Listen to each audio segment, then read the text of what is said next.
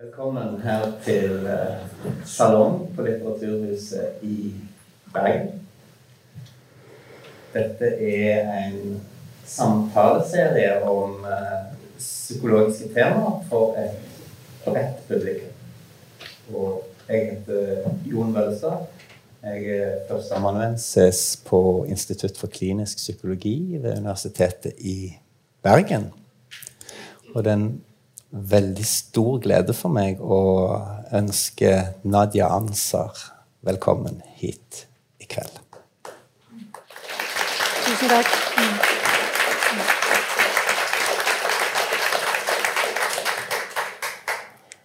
Nadia, du er psykologspesialist. Du er forsker. Eh, I fjor så gjorde du ferdig det som jeg syns er en veldig imponerende doktorgrad. Et kjempearbeid. Tusen takk. Ja. du jobber på Institutt for psykologisk rådgivning. Du har hatt uh, en lang karriere uh, der du har jobba veldig mye med mennesker som på en eller annen måte strever følelsesmessig.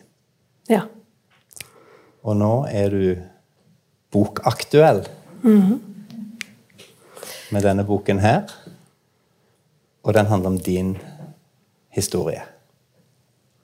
Og den skal vi snakke mer om her i kveld.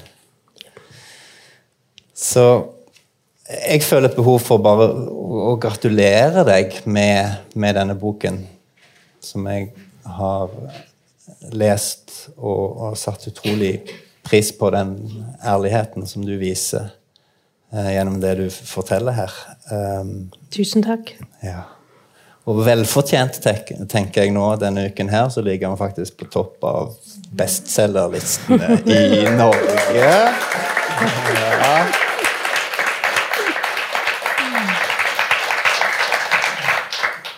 Og, og det er jo en beskrivelse av, av din vei fra en, en oppvekst i en streng kultur og det å skulle finne fram til en um, egen stemme og en egen selvstendighet. Ja. Og det Jeg tenkte vi ja, kunne begynne der. Altså hva slags hva slags reise har det egentlig vært? Vil du ta oss med litt grann tilbake til, til det utgangspunktet? Ja, eh, takk for det, Jon. Det, mm, det er så mange måter å gå inn i barndommen sin på, så jeg lurer litt sånn på hvilken vei skal jeg ta. Men eh, altså, jeg ble jo født jente. Det er jo ikke noe overraskelse for noen her, tror jeg. Bombe. Um, og, det som jeg har tenkt og reflektert mye rundt, er jo eh, en historie som gikk eh, og ble fortalt mye da jeg var liten. Om at når min storesøster, som var to år eldre enn meg, ble født, så gråt mamma bare litt. Og så ble jeg født, og da gråt mamma litt mer. Og så ble min lillesøster, eh, som er to år yngre enn meg, født, og da gråt mamma veldig. Da ble hun deprimert. Ja. Så kom det en jente til etter det, før det kom en sønn og ringen kunne avsluttes. Så det er klart at det er liksom en sånn historie som jeg har liksom reflektert mye rundt. Da. Eh, En sånn følelse av at man kanskje har skuffet foreldrene sine helt fra fødselen av. Eh, De ønsket eh, ikke deg. Det er liksom noe med deg som er feil. Og hvordan det også blir kobla til en sånn følelse av å være mindre verdt. da. Og så tror jeg også på en eller annen måte at det eh, For min del så ble det en, eh, en oppgave eh, ganske tidlig, ganske ung alder, å bevise overfor mamma og pappa at, at jeg var verdt livet. At jeg var noen som kunne hjelpe de med å avlaste de, være flink med husarbeid, være snill, gjøre de lykkelige og glad. Eh, og det, var jo ofte, det er jo også et hjem som på, måte, på mange måter var ganske liberalt, eller moderat, sammenlignet med andre eh, muslimske hjem i, som vi omgikk på den tiden. da. Men likevel så var det ganske sånn Det er jo det som kanskje slår meg mest i voksen alder, å reflektere litt rundt hvor utrolig sterk både kvinneundertrykkelsen var, og hvor patriarkalsk det egentlig var. For det er jo litt den følelsen av å liksom puste og ånde i noe, at det er så normalt, og det skjer med alle rundt deg, så du reagerer ikke på det lenger. ikke sant? Eller jeg reagerte ikke eh, over det, men det betyr jo ikke at jeg reagerte, eh, ikke reagerte på det emosjonelt. da. Husker du når du begynte å tenke at det kjentes urettferdig at det skulle være sånn? Å, det er et godt spørsmål. Nei, altså det, det, var, det tok lang tid. Veldig, veldig, veldig lang tid. Jeg lurer på at jeg kanskje alltid lurte litt på at det var en del ting som ikke var sånn som det burde eller skulle. Men jeg hadde nok ikke en sånn bevissthet rundt at dette er feil, eller en sånn veldig sånn kraftig protest om at sånn burde, burde det ikke være. Ehm, det lurer jeg på Og det tror jeg Jeg kan ikke huske engang, jeg. Når jeg begynte å gjøre en sånn aktiv protest. Det må ha vært i 14-årsalderen, altså. På Mm. ungdomsskolen. Du er født inn i noen ganske ja, Ja. rammer der med en idé om et hierarki, virker det som. Det Ja, det er jo, liksom, det er jo, fed, det er jo farslinjet, ikke sant? Så det er fedrene som skal bringe eh, Altså som både skal forsørge familien, bringe slekta videre. Eh, det er de som skal sørge for eh, økonomien og få hverdagen til å gå rundt. Og kvinnen blir på en måte betrakta som en byrde ikke sant, fra du blir født. fordi at du, som kvinne så skal du bli gifta bort til et annet hjem. Um, og da er du på en måte en utgift. Du skal ikke lenger på en måte videreføre eller hjelpe foreldrene når foreldrene blir gamle og syke. Uh, du mister på en måte døtrene, da. Ehm, så, det, så det er nok eh, en av Og det er jo ikke bare i mm, pakistanske kulturer, ikke sant. Det gjelder jo mange andre asiatiske kulturer også. Men det var nok eh, mye, mye det der med å på en måte være snill og lydig, og særlig dette her med å stilne det emosjonelle eh, Alle mine impulser, eh, mi, mitt, mitt uttrykk, på en måte. Det skulle dempes. Det skulle, der skulle volumen på en måte skrus veldig ned. Og så måtte jeg utvikle veldig gode evner til å fange opp på eh, eh, Hva er det mamma eh, liker, hva er det pappa liker, hva er det de ønsker, hva slags behov har de, hva kan jeg gjøre for, å, eh, for at de skal føle på behag, at de skal ha det godt, og hvordan kan jeg unngå å gi de emosjonelt ubehag. Det ble jeg veldig tidlig veldig ekspert på. Er det noen sånn spesielle situasjoner eller episoder som, som du tenker kan Illustrere illustrere akkurat det for oss? Ja, eh, og når jeg jobba også med boka, så, så var jeg litt sånn opptatt av å finne litt de litt subtile scenene, men som likevel er ganske kraftige, hvis man tenker over det. Eh, For det blir så fort at eh, det er de dramatiske scenene som tar så mye plass, da. Mens det er ofte de subtile som setter seg lenger, fordi det, de er ikke så objektivt sett eh, gale, på en måte. Men eh, altså, det var jo også et hjem hvor eh, vi var veldig religiøse. Vi skulle be fem ganger om dagen. Vi skulle faste når det var ramadan. Vi skulle lese Koranen på arabisk, som var et språk som jeg ikke forsto. Og jeg skulle også læres opp til å spise med eh, høyrehånda. Eh, jeg var venstrehendt, så det var jo ikke så enkelt for meg. Så mamma brukte jo mye tid da, på å lære meg opp til å spise med riktig hånd, eller eh, høyre hånd. Hva er det med den høyre hånden? Ja, altså Det er jo enkelt forklart, så er det venstrehånda bruker du til uh, skitne ting som å dobesøk, og høyrehånda bruker du til rene ting som å spise mat. Så veldig enkelt forklart så er det sånn. Og det, og det var jo my- mye jeg hørte fra jeg var liten, ikke sant? At, eh, at mammas viktigste oppgave det var at, å sørge for at jeg var så god husmor at jeg, at jeg skulle få masse frierier, for da hadde hun gjort jobben sin. Eh, og at jeg kunne gi henne, godt, henne og familien et godt ettermæle.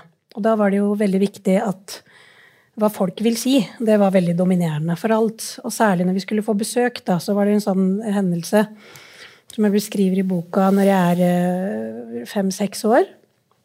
Og så, Vi hadde ofte store selskaper med veldig mange gjester på besøk. Store, store sammenkomster. Eh, og da brukte mamma gjerne to-tre dager på å lage mat. eh, Og vi andre fikk ikke lov å smake før, eh, før gjestene hadde ankommet. Og jeg hadde sittet og lukta på den lammekebaben, som var en av mine favoritter da, som barn. Og trippa og gleda meg til å mm, smake på den. da.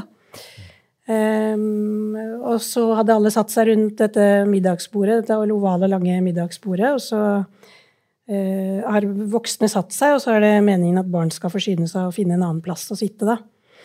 Og i sult og barnlig begeistring så tar jeg fram venstrehånda uh, og tar kebaben med det. Da er det nesten litt sånn, sånn som om du kan bare høre stillheten. altså At alle bare holder igjen pusten og er helt sånn stive av skrekk, nærmest. Jeg kan nesten ikke høre lyden av for hver bevegelse. Jeg husker det så utrolig godt, da, den scenen. Eh, og jeg skjønner at jeg har gjort noe gærent, men det er liksom akkurat for sent. Og nok til at eh, en familieoverhode benytter anledningen til å si høyt til sønnen som sitter over bordet på den andre siden, at se, der spiser hun med Satans hånd. Hun kommer til å brenne i helvete for det. Um, så jeg var jo i full skam, uh, har jeg skjønt nå som voksen. Skjønte ikke så mye av det der. Ja, bare rett Bare på, på meg. Jeg følte at det var en sånn lyskaster bare på meg. Og uh, litt sånn absurd opplevelse. Og hva er det man vil gjøre når man får, blir, får så mye negativ oppmerksomhet? Man vil jo gjemme seg. Så jeg ville jo bare forsvinne, og så kunne jeg jo ikke det, fordi at plutselig så ville, ville en annen familievenn trøste meg. Så han tvang, seg, tvang, tvang meg opp i fanget sitt, eh, holdt, fast, holdt meg fast, og det var eh, utrolig ubehagelig. Eh, og så var det en vanlig sånn tradisjon om at de skulle klype, og de skulle ta så hardt, og de skulle bite på eh, kinnene våre, så det var sånn følelse av at det var liksom helt umulig å ha noen grenser, da. Eh, Ja. Eh, veldig invaderende. Så jeg satt der og var helt sånn kvalt og desperat og prøvde å snike og gjøre meg så liten som mulig, sånn at jeg kunne bare forsvinne under middagsbordet. Klarte jo ikke det. Han holdt meg bare fast igjen, og så prøver jeg å møte blikket til mamma, og mamma later som hun ikke ser noe som helst, og bare fortsetter å forsyne eh, gjestene med maten, og pappa ser på meg med et blikk som eh, jeg har lært å kjenne som et sånn skjerp deg, ta deg sammen-blikk. Og det er også noe som man får veldig sånn trening på når man ikke har ut altså det, For mye av det er litt sånn Det er ikke språklig. Det er veldig nonverbalt. Det er eh, noe som kommuniseres eh, høykollektivistisk. Altså det er bare sånn noe du vet. Eh, og også noe jeg hørte mye i, da jeg var liten, at foreldrene kunne skryte av barna sine og si at eh, jeg kan bare se på datteren min, og så vet hun akkurat hva jeg mener. Ja. Så, så jeg visste jo at jeg måtte virkelig trene opp det blikket. Og jeg visste at når pappa så meg på, på det, den bestemte måten Litt vanskelig for meg å skuespille han, men det var veldig sånn Skjerp deg. Ta deg sammen. Ikke la en stor, lage en stor sak ut av en av til ingenting. Det er sårt å både høre deg fortelle om det og, Ja. og, og lese om det. Sant? For jeg Ja. får sånn inntrykk, og det skildres godt i boken, sant? Mm. hvordan Du var jo en jente med mye vitalitet og liv. Ja. Du har en scene der du løper omkring i, Ja. i leiligheten. Ja.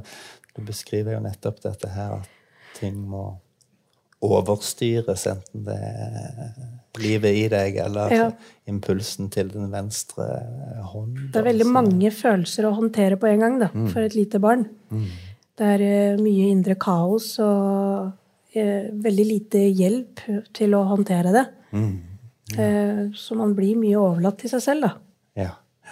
Og med, med vonde ting sant, som Ja. ikke kan deles, eller som ikke kan snakkes om. Sant, som er, når jeg leser boken, så tenker jeg her er det jo noe som jeg tror mange kan kjenne seg igjen i, i familiekulturer der man av en eller annen grunn Mm. blir kontrollert, eller at det ikke er et språk for noe, eller at det er noe man må styre unna. Mm.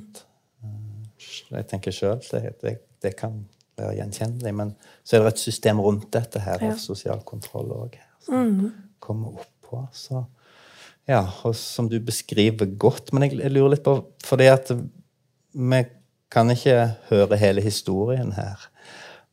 Men hva er det du har hatt lyst til å, å, å formidle med å skrive din fortelling med dette som utgangspunkt i ditt liv? Godt spørsmål. um, altså, det er jo flere ting. Um, det er jo litt rart å være 44 år og plutselig bestemme seg for å gå ut med en selvbiografi.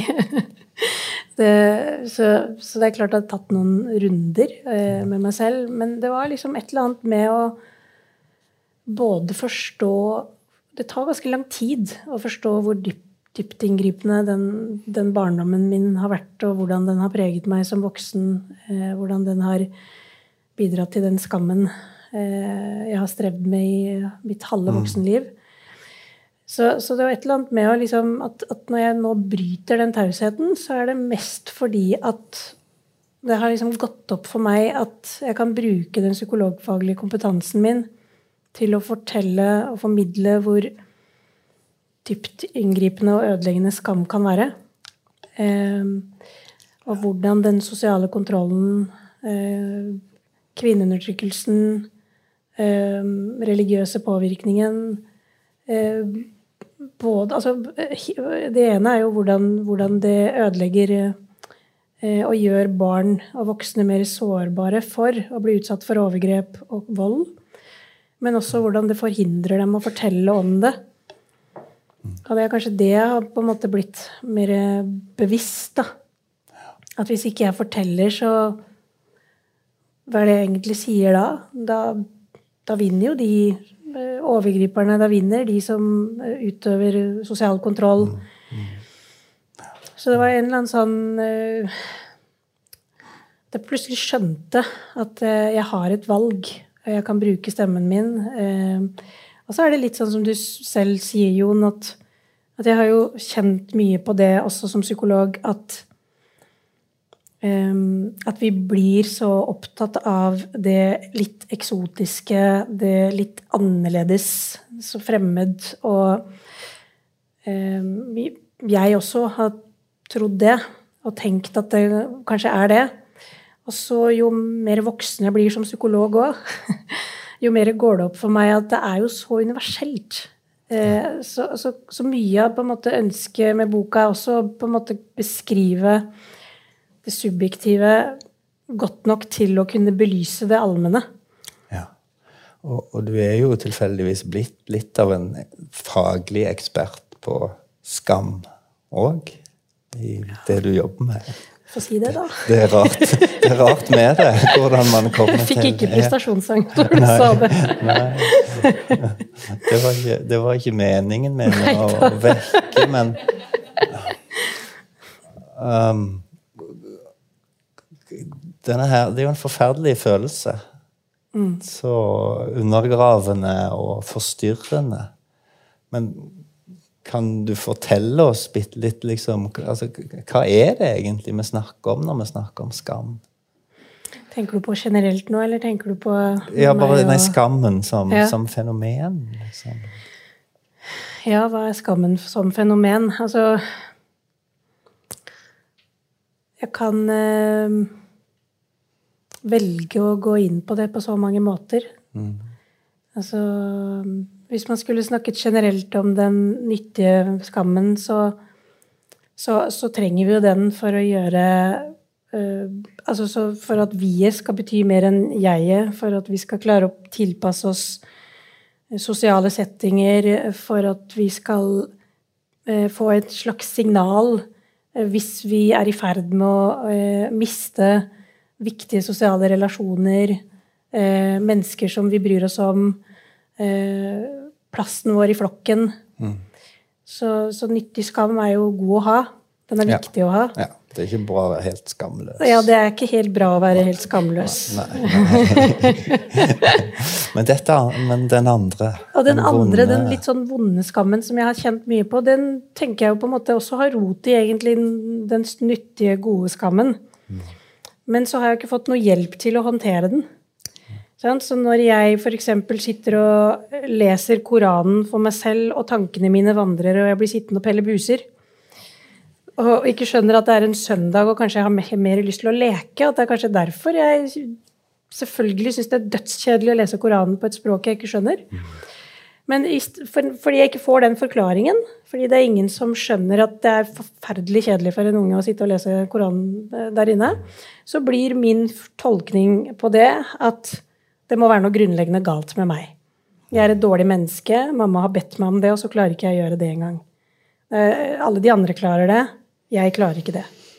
Så i fraværet av en eller annen sånn uh, validering, en som hjelper meg med å håndtere følelsene mine, si at selvfølgelig syns jeg det Selvfølgelig syns du det er kjedelig å lese Koranen på et språk du ikke skjønner. Kom her, jeg skal hjelpe deg, så kan du skjønne litt mer av hva du leser. i hvert fall. Så, så, blir det så utrolig mye jobb på innsiden. Da.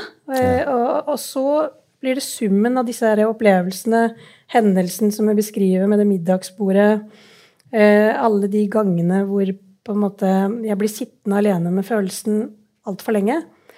Eh, som, som, altså så får på en måte den skammen tid da, til å mørnes eh, og kokes i, og ja, virkelig ja, bli til en ja, eh, giftig bombe da, på innsiden. og da blir den den vonde skammen ikke sant, som plutselig dukker opp når jeg egentlig er, har det bra som voksen, og som kan forvirre meg og gjøre at jeg kan kjenne meg utrygg selv om jeg egentlig har all grunn til å føle meg trygg. Ja, det virker jo veldig ensomt. Ja. Det, tenker, det blir vel ja. til i relasjonene våre, og i beste fall så får vi hjelp nok til å sortere eller forstå og, uh, hva er det som jeg kjenner, som vi kan dele det. Ja. Mm. ja. Ja, jo, jeg tror nok det er en veldig ensom følelse å ha. Mm. Eh, for det er jo, hele funksjonen er jo at nå har jeg gjort noe som egentlig gjør at jeg har eh, bevist for folk at jeg ikke passer inn. Ikke sant? Mm. Jeg er ikke en del av flokken, jeg er ikke en del av et fellesskap. Jeg er ikke så god som jeg har gitt ut for å være, eller mm. jeg er ikke bra nok. Mm. Så, så, det er jo en ensom følelse å ha, og det er jo også litt av handlingstendensen i følelsen. Tilbaketrekning, det å få lov, lyst til å gjemme seg og bli borte. Eh, forsvinne. Vi vil ikke bli sett når vi skammer oss. Ja. Så, og det er eh, litt motsatt av det man trenger, da. Ja. ja. Og det blir taust, det blir stille. sant? Og det motsatte er jo å fortelle fortellingen sant? som du har gjort. Og det... så jeg tenker det er jo noe flott når du sitter med for en fullsatt sal, og du får dele det her. I dagslys. Ja, ja. Trollet sprekker i dagslys, som man sier. ja, og det er, er, mye her med, med, med, ting som har skjedd, og som var vanskelig å dele, og mye i ryggsekken. Men jeg lurer på om liksom, kan vi se litt på hva er det som har gjort det mulig for deg å, å, å komme ut av det? Ja. Mm, komme ut av skamskapet. ja, ut av skamskapet. Ja, nei, det, altså det er jo eh, igjen en lang prosess, da. Eh, jeg kan begynne, begynne, litt som psykologistudent på universitetet. Mm. Så, eh, så var jeg nok I, i voksen alder så reflekterer jeg liksom over hvor redd jeg var da, på den tiden. Redd for å bli avslørt. Mm. Jeg brukte veldig mye kapasitet på å passe inn. Jeg hadde jo kommet inn på psykologstudiet. Jeg var en av de yngste. Eh, på kullet. Mm. Det er et nåløye? Det, det, er et nåløye, men det er også veldig vanskelig å leve opp til. Mm. jeg var tenåring eh, og full av Jeg Ja, veldig usikker. Og um, følte at jeg måtte virkelig passe på å ikke bli avslørt. da.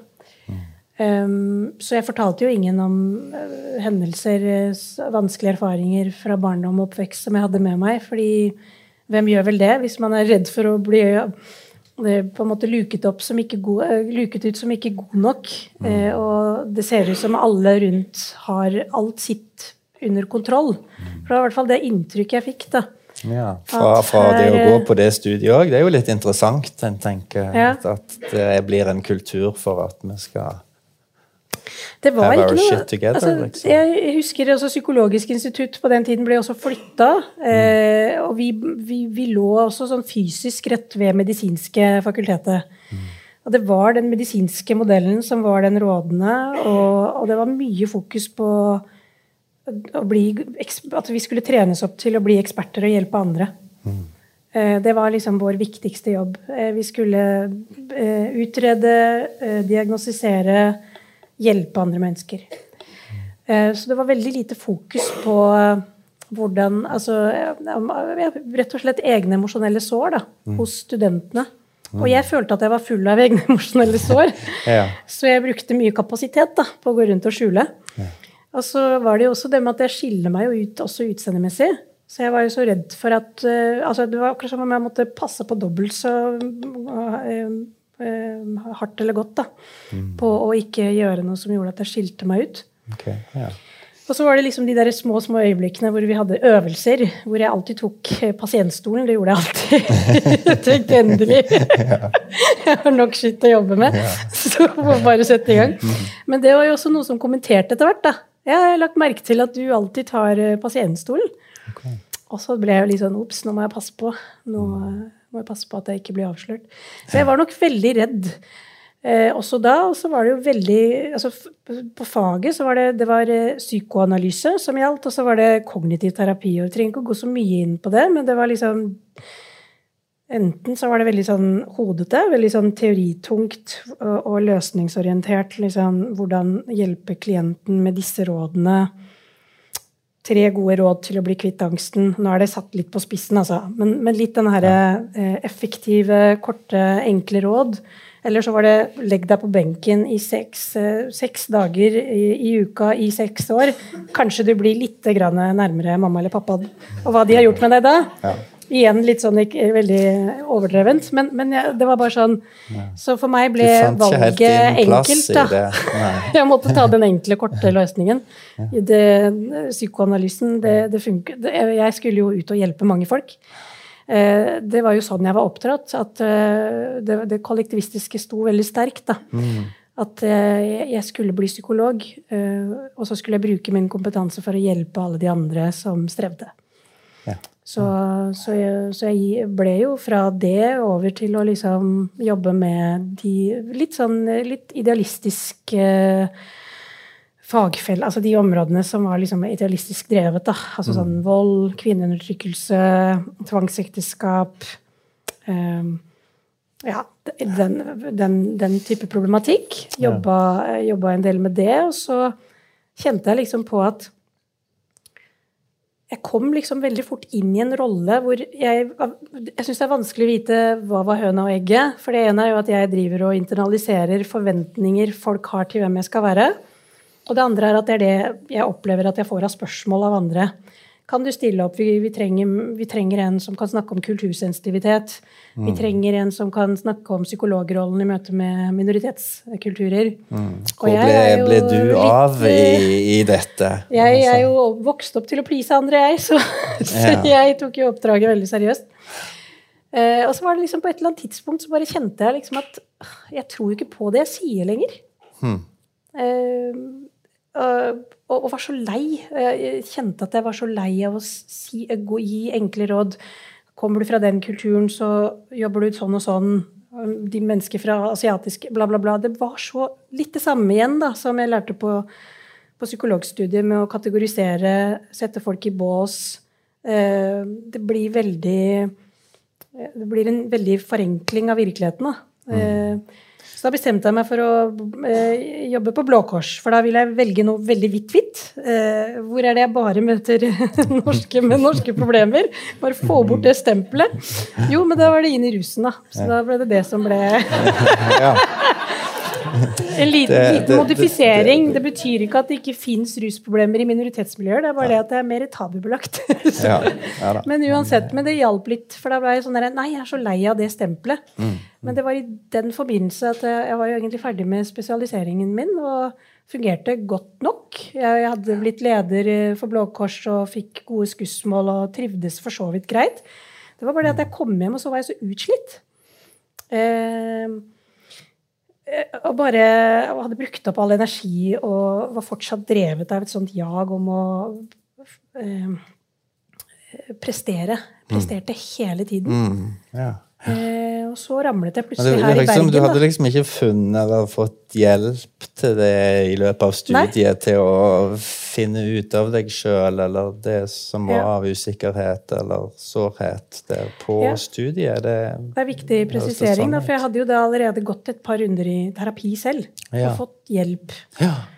Men, eh, men jeg opplevde ikke at det virkelig hjalp. Altså det, jeg følte at jeg fikk hjelp til, å, måte, hjelp til å fikse noe litt sånn på overflaten. Men, eh, men jeg var nok også veldig opptatt av å være en flink pasient. Jeg var jo tross alt hadde mye å bli avslørt for. Så jeg måtte holde alle mine problemer hemmelig for terapeuten. Ja, ja, ja. Fortalte jo aldri om eh, de verste tingene, da. Det, Men skjedde det en slags vending for deg her da, på et tidspunkt i forhold til dette Ja. med å finne en forsoning med faget ditt, eller at det ble Ja. viktig for deg? ja, og det skjedde jo her i Bergen, da. Det måtte skje i Bergen. måtte Du måtte skje hit for at du skulle oppleve det. Det tror jeg mange er glad for å høre. Ja. Ja, ja. Ja, og jeg kjenner jo litt det når jeg kommer til Bergen. At det er eh, Ja. Det er en by som jeg blir veldig full av takknemlighet og ja, blir, eh, blir litt sånn rørt av å komme hit, da. For den har betydd så mye for meg i min prosess og utvikling. Og også fordi at jeg står her i dag, og, eller sitter her i dag, og, og snakker om skam. For det var, eh, det var liksom møte med eh, emosjonsfokusert terapi. Eh, at det var første gang jeg opplevde at noen satte ord på den dype smerten. Eh, det var plutselig ingen som snakket om spiseforstyrrelsene mine, eh, selvmordsforsøk, alle typer forsøk på å håndtere smerten min, da, som jeg holdt på med.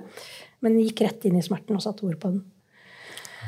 Eh, og jeg beskriver jo det i boka òg, men det var liksom en veldig sånn sterk opplevelse av å bli sett i smerten hvor på en måte istedenfor at jeg bare satt med en sånn global følelse av at det var noe som ikke stemte, men som var litt sånn Veldig sånn Det var bare stress, uro i kroppen, til at det føltes som om det ble veldig sånn lokalisert. Eh, og det er noe for godt med det, når du på en måte har sittet og kjent at det bobler og koker i hele kroppen, og plutselig kjenne at noen har liksom pinpointa Der gjør det vondt. Og det er akkurat som resten av kroppen på en måte fristilles. Og så er det noe vondt godt med at noen treffer så godt, da. Ja. For det er jo ikke godt, akkurat, at noen setter ord på hvor forferdelig mye jeg skammer meg, og at jeg tenker at jeg er eh, en En dum person som er totalt ubrukelig og udugelig og ja, alt det der. Men, men det var liksom likevel en veldig sånn sterk opplevelse av at uh,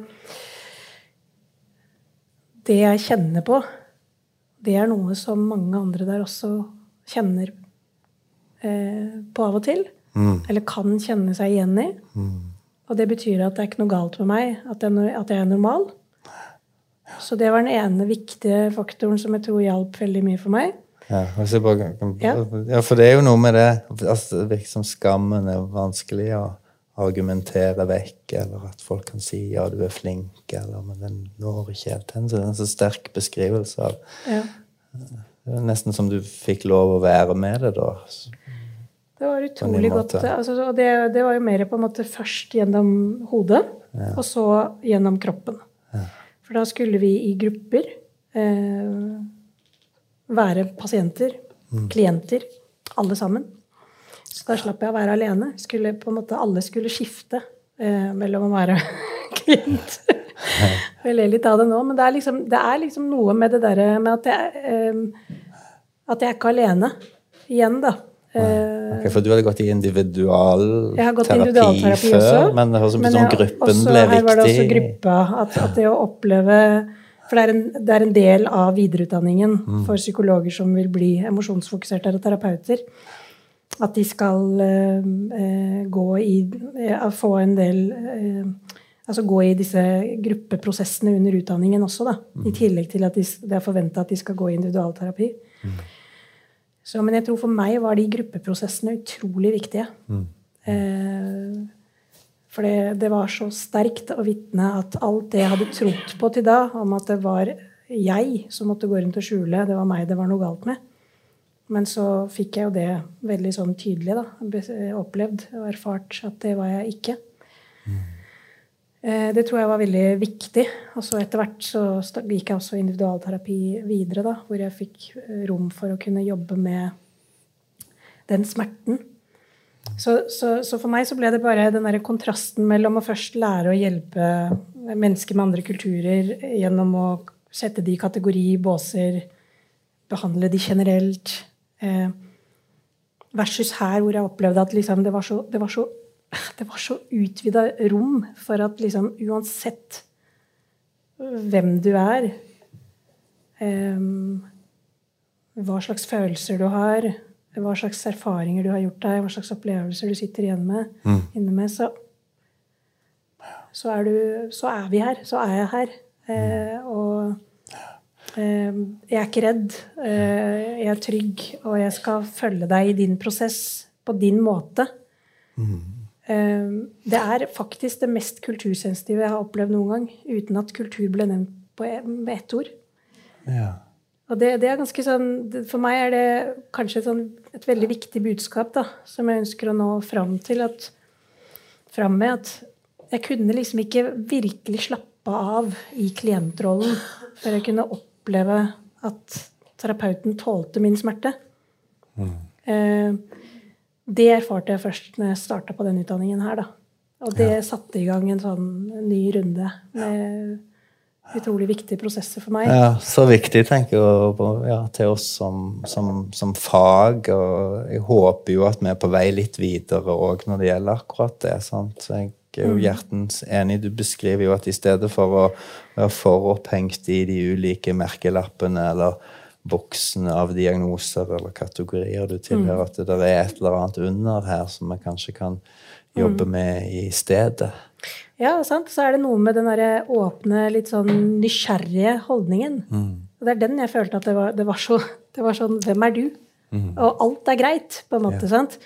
Og, og litt den følelsen av Uansett eh, eh, hva du har erfart, hva du har opplevd, hva vil du? Hva trenger du? Bare å si sånne ting. Altså, det høres så absurd enkelt ut, men jeg hadde aldri opplevd det før. da.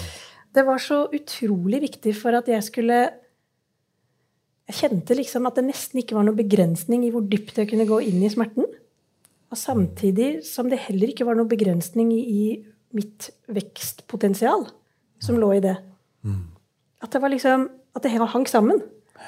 Eh, også veldig sånn absurd, merkelig, rar opplevelse. Det er litt den der 'tåler du hele meg'-følelsen, da. Men som jeg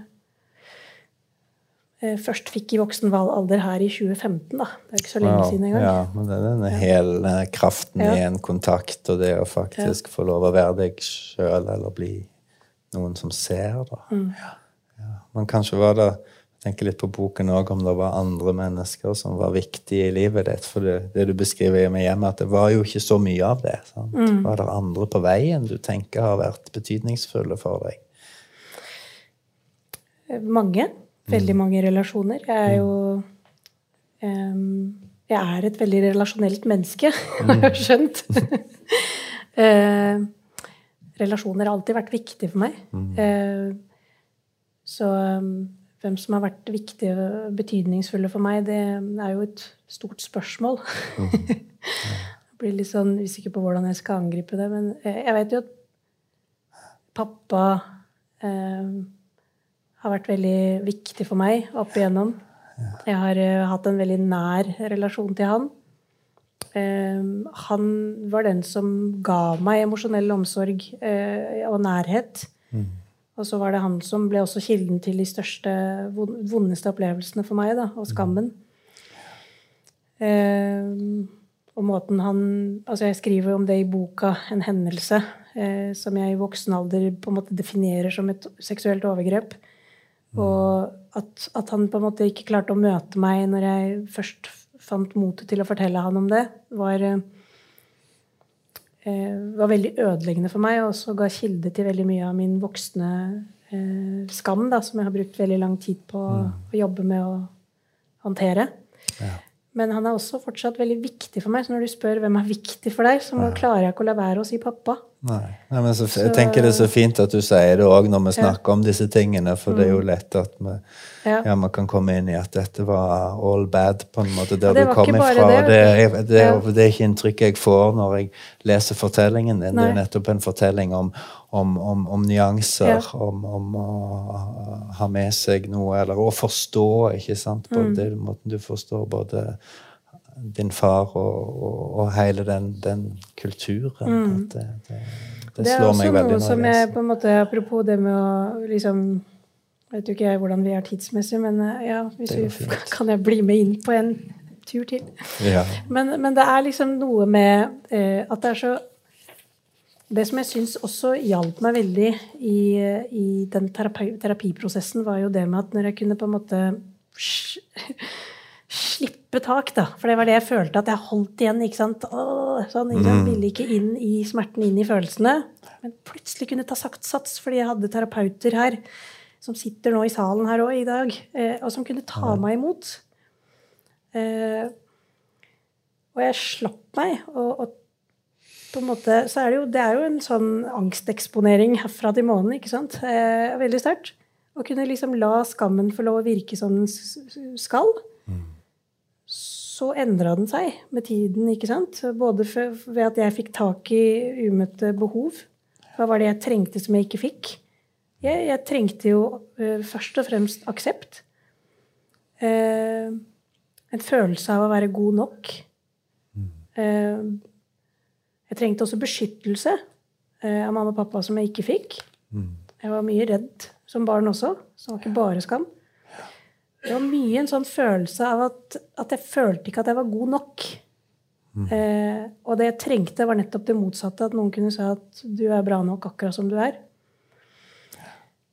Og når jeg kunne liksom virkelig la det også få lov, følelsen få lov å virke som den skal, la også de umøtte behovene få lov å ta plass inni meg og gi de rom og aksept, så ble jeg jo først veldig sint på mamma og pappa. Så jeg hadde lagt lang periode hvor jeg var veldig sint på de. For alt det som jeg hadde dytta ned og fortrengt, det kunne liksom plutselig eh, komme fram. For jeg hadde jo til da ikke fortalt noen om eh, f.eks. overgrepet. Heller ikke om den patriarkalske kulturen jeg vokste opp i, og hvor mye psykisk vold og eh, Ja, hvor, hvor mange tøffe erfaringer jeg hadde med meg. Jeg hadde ikke fortalt noen om det. Men da kunne jeg liksom åpne opp og begynne å fortelle, etter å ha holdt det hemmelig i mange år. Eh, så da ble jeg jo veldig sint. Det, ble veldig sånn, det var også en intens og veldig sterk og ikke helt fortjent reaksjon. For da så jeg jo alt fra liksom alt var så fint i min barndom, til at nå ble alt forferdelig, da. Eh, men jeg følte at jeg ble tålt og møtt i det også. At jeg også kunne på en måte gi den følelsen full aksept. La den også få lov å være der og få lov å Og lenge så trodde jeg at det er der jeg kommer til å ende opp, med å liksom ikke ha noe kontakt med mine foreldre og gi det opp helt, da. Ja, men det har vært Eh. mulig å komme til en forsoning der. Ja, og så plutselig så skjedde det noe. Eh, når, når den følelsen også fikk lov å virke som den skulle lenge nok, og jeg, jeg kunne være i det og oppleve at um, at terapeuten tålte de reaksjonene også.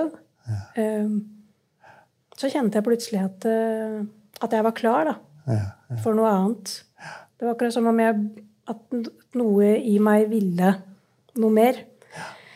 Jeg føler det er sånn Eh. dobbel altså Det er igjen en ting som er sår og vond å lese om, og jeg tror mange som leser det, òg blir sinte på denne lille jenten sin, sine vegne Ja. å lese dette. Men, for det er jo noe med en klok eh, kliniker eh, som heter John Allen, som sier det at eh, altså, traume eller overgrepet er, jo ille nok i seg sjøl, men det er jo på en måte det å bli overlatt til seg sjøl med den smerten uten å kunne dele den, Ja. som nesten er enda verre.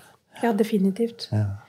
For jeg, det er jo det som har tatt meg så lang tid å forstå. For det var ikke så alvorlige hendelser. Så det var så vanskelig for meg å forstå hvorfor disse små bagatellmessige hendelsene skulle ta så stor plass. Det var liksom det jeg jobba mye med når jeg var i den skamprosessen. Og, men, men jeg tror det er sånn som du sier, da, at det er ikke hendelsen i seg sjøl, men det som skjer etterpå.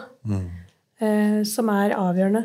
Eh, og, og jeg har også på en måte forstått mer og mer hvordan minner er konstruksjoner og konstruktive prosesser, og hvordan følelser fargelegger minner. Blitt veldig oppmerksom på det. Hvordan Det er jo sånn vi kan le litt av, men eh, når jeg er glad i mannen min, så syns jeg vi bare har alltid hatt det veldig fint. Eh, men når jeg er sint på han, så husker jeg bare de episodene hvor han har vært dust. Det var ofte med det. Så, så det er det liksom mangfoldige selve her. Ja, altså det er mange, mange, vi er, vi er mange, opplevelser og, Ja. som er like sanne. på en måte, ikke sant? Eh, så, så det ble på en måte ikke sant, sånn ordentlig sant, før jeg hadde fortalt noen om det. Mm. Så en annen person som har vært veldig viktig for meg, er jo min mann, Abid. Ja. Fordi at uh, første gang jeg våget å fortelle noen om det, så var jeg 22 år. Da hadde jeg gått akkurat uh, 17 år, eller nesten 17 år.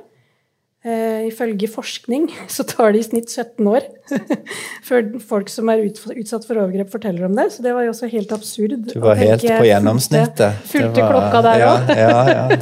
mm. Eh, det, det forteller jo litt om hvor mye mot som trengs for å klare å konfrontere pappa med det. Mm.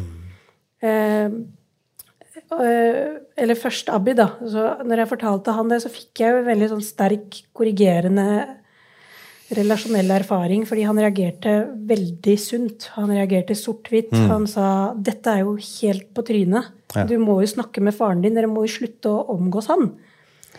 Som ble helt sånn det var, det var så rart, for det var sånn, når jeg hadde sagt det høyt, så var det nesten så jeg ikke trodde på det selv. Og så sa jeg det høyt, og da kunne jeg tro på det. For da var min opplevelser gyldiggjort. Da var det sant. Fordi noen andre kunne bekrefte det.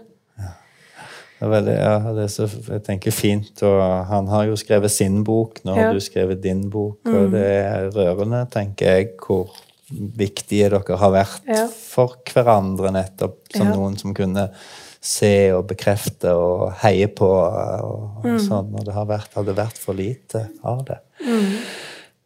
Dere har jo begge, tenker jeg, et empatisk blikk på eller for, prøve å forstå hvor dere kommer fra. Det er, ikke, det er ikke dømmende bøker, men det beskriver noe som er vanskelig. Sant? Og det er jo en kritikk òg her av en, noe med en kultur som ut fra det du beskriver, er jo kan jo være skadelig for barn. Å måtte vokse opp i doble kulturer Ja. av taushet, både innad i familien. Det kjenner jo jeg igjen fra mange Ja. rundt omkring. Vi, vi, på land og strand i Norge at man har hatt det sånn, men så kommer dette utenom. Negativ sosial kontroll, skam, vold som, og, og, sånn. Så, jeg, jeg lurte jo på liksom, er, Dere beskriver oppvekster på, på, på 80-, 90-tallet, tidlig 2000-tall. Er det i endring, dette? I, I de muslimske Eh, ja, pakistanske miljøene. Ja, norsk-pakistansk miljø. Ser du noe sånn, Eh, som er i bevegelse der, eller? Ja, Ja. Det, det vil jeg si. Ja. Eh, da jeg vokste opp på, på Stovner, i Groruddalen i Oslo, eh, så var det, det Altså, det er helt absurd å tenke tilbake på, men altså Det var så vanlig med overgrep. Det var så vanlig med vold. Det var så utrolig vanlig med fedre i fengsel. Og det var liksom sånn det var. Min beste venninne hun jeg alltid overnatta eh, hos, hun ble jo tvangsgifta og flytta til Pakistan. Jeg har ikke sett henne siden. Altså, flytta en gang i 20-åra, tidlig 20-åra. Og når jeg tenker sånn, så stort på det, så, så ser jeg at det er bevegelse og endring. Men, men, men det er så mange nyanser da, eh, av det bildet. Eh, så, så, så det er nok større rom for forskjellighet nå enn før. At du kan se noen klarer seg veldig bra, men hvis man ser på statistikken, da, men også skriver litt om i boka, så er det ikke så lyse tall, da. Eh, det ene som var veldig slående når jeg begynte å jobbe med den boka, var jo å forstå at ok, når det kommer til utdanning blant ikke-vestlige, så topper jo norske Nei, norske Jeg føler meg som norsk, så. Ikke-vestlige eh, innvandrere, altså særlig kvinner, da, den statistikken. Mm. høyere tall enn eh, nordmenn generelt. Eh, og så har jeg lurt på hvor blir det av de? Ja. Og så har jeg sjekka okay, hvordan er statistikken eh, i forhold til hvem, hvor mange som tar utdanning versus de som kommer seg i jobb. Og der er det jo slående. Altså det er jo veldig få. Mye færre i forhold til eh, nordmenn generelt. Ja. Hva er det som skjer? Du beskriver på en måte dette å gå opp på stupebrettet og skulle liksom ta, ta, Ta ta det spranget, og Ja. så er det akkurat som det er noen som går ned fra stupebrettet igjen. Ja, Hvordan forstår du det? Ja, det, mm, jeg syns det er veldig spennende. Jeg har jo min to år eldre søster. Eh, hun gifta seg med, med sin fetter og flytta tilbake til Pakistan for godt. Eh, jeg, også vært, jeg var jo også lovet bort til min fetter. Hadde ikke Abid dukket opp, så hadde jeg ganske sikkert vært gift i dag. Eh, og kanskje flyttet tilbake for godt, jeg også. Ja. Eh, Jeg har vitna veldig mange av mine nære venner eh, gifte seg og flytte tilbake til hjemlandet. Og de som blir her, de får jo Og jeg har jo beskrevet det litt i boka også, at det er en forventning til at du skal plukke den mest utdanna kvinnen. Fordi en utdanna kvinne kan utdanne barna hjemme. Sant? Så det er lurt å investere i en, en høyt utdanna person. Mamma for eksempel, brukte jo store deler på å lære oss arabisk og urdu hjemme. Ja. Eh, Men det er ikke en forventning om at du skal klare deg i arbeidslivet. Så, eh, så det var ikke noe Jeg husker jo, jeg fikk jo akkurat de samme kommentarene fra svigermor, som ikke skjønte hvorfor ikke mannen min hadde bedre kontroll på meg. Hvorfor skal hun jobbe nå? Eller hvorfor skal hun fortsette å studere? Nå er hun jo gift. Eh, Dette går utover husarbeidet.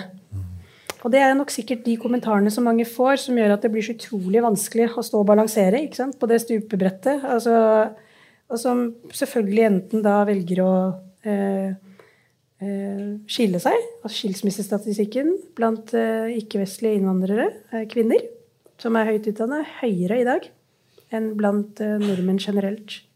Ja. okay. Det er ganske slående Det er slående sett i forhold til at vår generasjon, altså mine foreldregenerasjon, de skilte seg jo ikke. Det var ingen som skilte seg. Det var jo tabubelagt å skille seg. Men så er det- det er interessant, da, for når det kommer til psykisk helse igjen, så ligger minoriteter veldig dårlig an, ikke-vestlige minoriteter. Men det er jo igjen veldig sånn kategoriserende og stigmatiserende måten å fremstille på. Da. Men jeg syns det er litt interessant likevel. da. Fordi at de jeg møter, de som har skilt, skilt seg, de, de har jo akkurat det samme settet av forventninger. De har jo ikke jobbet med seg selv, gått i terapi. De har skilt seg fra mannen. Og så har de fortsatt en forventning om å finne drømmemannen som har, fra, har samme bakgrunn og samme okay, kulturelle ja. opphav. Ny runde. Ja. Eh, så, sånn at de, de framstår ikke som lykkeligere for det, ikke sant? Så, så det er jo litt det der med at eh, det, men, men samtidig tenker jeg, hvem er jeg? Altså, jeg skjønner så utrolig godt at folk velger å, altså at de velger å skille seg. Men, så det er jo derfor jeg på en måte eh, jeg har vært litt sånn opptatt av å vise at det fins noe vei mellom på den ene siden å fordømme, klandre, eh, ta avstand fra sitt, sitt, sitt opphav, sin bakgrunn, sine foreldre, sine røtter, eller hva det er. Eller på den andre siden å havne i den andre fallgruven, som er å benekte eller unngå. Da. Og at eh, jeg tror den veien går gjennom forståelse. Eh, og jeg tror at mange eh, mange har veldig godt av eh, å, å forstå at det ligger noe sårbart bak mennesker som kan framstå som veldig sinte, harde, dømmende. At, det, at, at i et patriarkalsk system så, så, så er hele systemet såpass dysfunksjonelt at alle er ofre. Eh, og at- Mennene er ikke nødvendigvis friere enn kvinnene og barna. Ikke de da. mennene jeg har møtt, i hvert fall. Oppleves som akkurat like fanget.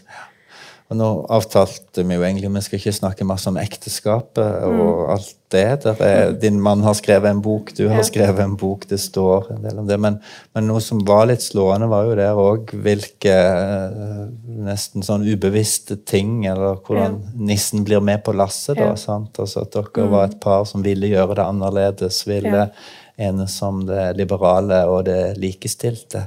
Og så ble jo det ganske vanskelig allikevel. Ja, nissen fulgte med på lasset for oss begge. Ja. Så det er jo interessant, da, men sånn kort fortalt så begge vi var jo gift med hver vår fetter og kusine, og så Mm. møter vi hverandre, og så blir vi forelska, og den kjærlighetshistorien tror jeg mange kjenner til. Eh, og så bruker vi fire-fem år på å kjempe for å få hverandre, og så har vi fått hverandre, og så er vi ikke lykkelige likevel. Det er jo helt uh, absurd å tenke tilbake på hvor utrolig fanget vi fortsatt var, hvor låst vi var i hver vår rolle. Han var fortsatt like styrt av eh, familiens forventninger til hvordan han skulle kontrollere meg. Eh, han ble veldig kontrollerende. Eh, hvordan jeg gikk kledd. Jeg skulle ha genser rundt livet, jeg skulle ikke sminke meg, kunne ikke gå med T-skjorter. Styrte kalenderen min, styrte hva slags venner jeg skulle være sammen med. Og jeg som lot meg bli styrt, selv om jeg på et litt tidspunkt så var jeg jo psykolog, men også fant meg i det. Og jeg som fortsatt hadde akkurat de samme indre kravene og forventningene om å være eh, fullt ut husmor og eh, ta med av barna, eh, eh, ta med av husarbeidet, matlaginga. Så jeg tror det var hun Merete Røsvik som skrev om den der ytre og indre frigjøringen. Som jeg syns er et sånn fint bilde på det. At eh, vi framsto jo som veldig frigjort. Han advokat, jeg psykolog. Jeg første psykolog i norsk-pakistanske psykologen. Kjemper for eh, svake eh, grupper, sårbare grupper. Og så kommer jeg hjem, og så er jeg fortsatt like fanget. Ja. ja. Så eh, det hjelper ikke på skammen, akkurat det, altså. Så liksom se seg Ja. selv i speilet og nesten på en måte starte å forakte seg sjøl. Fordi at det er liksom noe med det med å la seg bli behandla så dårlig. Eh, det mis, man mister jo nesten selvrespekten ikke sant, i den prosessen. Hvem er jeg, eller hva er jeg? ja. Men så er det jo en historie òg om en vitalitet og en kraft i deg allikevel til å finne en annen vei. Syns Ja, jeg at det, den det, fortellinga sant, så det, Du spurte meg om det sinnet. Mm. Du kan spørre mannen min om det. ja. Han kommer til å gi en annen versjon. Så jeg tror nok at, at, at Jeg husker i hvert fall at det var liksom i tenåringsalderen at det begynte å liksom oppstå en litt sånn protest. da. Mm. Jeg begynte å liksom skru opp volumet på min egen stemme, begynte å demonstrere i tog, begynte å ha en mening om ting. Eh, var ikke særlig populært, altså. Nei. Men jeg ga meg jo ikke. Så tror jeg det ble med veldig inn i forholdet også. Ja. At eh, det var hele tiden sånn Men hvorfor det? Mm. Hvorfor skal det være sånn? Mm. Jeg syns ikke det er ok. Ja. Uh, syns du det er rettferdig? Du snakker om eh, demokrati og likestilling der ute, men this is the practice. Eh, come on. ikke Ja. sant? Her er vaskebøtta. Så jeg ga han faktisk vaskebøtte i en eller annen gang, en eller annen bursdag også. Ja. ja. Ja, så du, og vi er jo som psykologer vi er jo altså, kulturen, en enorm kraft. ikke sant? Familien, erfaringene der, en enorm kraft. Men jeg Mm. tenker litt sånn på lynnet ditt, eller temperamentet ditt. Ja. Om det er noe der òg som Ja. har eh, vært har, en verdi for deg på denne, Ja. denne reisen her. Hva tenker du om det? Jeg tror jeg har, har, er mye sint, men jeg har en annen form på sinne. Okay. Den er eh, godt skjult. Aha, ja, ja. Nei, men jeg, jeg tror jeg blir sint på en litt annen måte. Eh, Jeg tror Det er nok sikkert noe med på en måte, de erfaringene jeg har gjort meg, at det, det var kanskje den måten jeg kunne være sint på. Så har jeg vært så forsiktig sint eh, lenge, så det har blitt min stil, da. Men, eh, men jeg tror jeg har vært eh, så, så i ekteskapet, eller så lenge jeg har vært sammen med Abud, så har jeg aldri likt å bli undertrykket. Ikke, aldri likt uh, å bli tilsidesatt. Aldri likt at noen han tråkker over grensene mine. Jeg har kjent at det gjør vondt. Og så har jeg svelget det og prøvd å forstå, og samtidig prøvd å påvirke han. Så det er liksom den balansegangen jeg har holdt på med lenge, da. Uh, og sånn er jeg også litt sånn i møte med andre mennesker i terapi, ikke sant? At det er liksom den derre balansegangen mellom å At uh, jeg må jo ha tro på endring. Det, ellers så kan jeg ikke jobbe som psykolog. Eh, og, og det blir med meg som person da, eh, inn i hverdagen min at jeg tror de fleste som kjenner meg godt, ser på meg som litt naiv, litt godtroende. Men, eh, men jeg, har jo, jeg føler at jeg har kommet langt i livet da, med den, med den holdningen der. Ja. Så, så det er et eller annet ved å liksom ikke miste, miste troen på at Jeg har jo ikke mista troen på at pappa også kommer til å endre seg. For jeg ser jo at han, han syns det er tøft at jeg står fram og forteller om disse opplevelsene. Han klarer jo ikke å si at han er stolt av meg, Nei. eh, fordi han er for redd. Han er for redd for uh, hva folk vil si, Ja, han sitter fast han. i en trang ramme der Ja. fortsatt. Men, uh, men jeg ser at han er glad i meg, og jeg ser at han er stolt av meg. Så på Ja. et eller annet tidspunkt så skal jeg nok klare å få det ut av han også.